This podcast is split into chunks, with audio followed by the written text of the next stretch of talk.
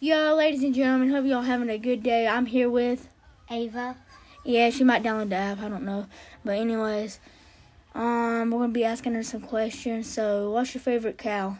what's your favorite animal? My favorite animal is a cat or a panda.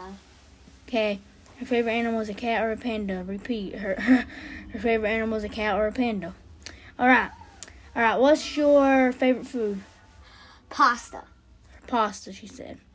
All right. What What's your favorite hobby? What's hobby? means like like something you do for fun. uh, it's probably s- art. Art. Painting. And what's what, what's your YouTube channel name? Bella Fairclough. Yeah, go subscribe to her right now. I'll put a link in the description. Okay. And yeah, hope you all have a nice day today. No, and- wait. what? What's your favorite color? What's your favorite color? Teal. I really like teal because like it's just. I don't know. All right. Hope you all had a good day today, and we're gonna do one in like five more minutes. So bye. Bye.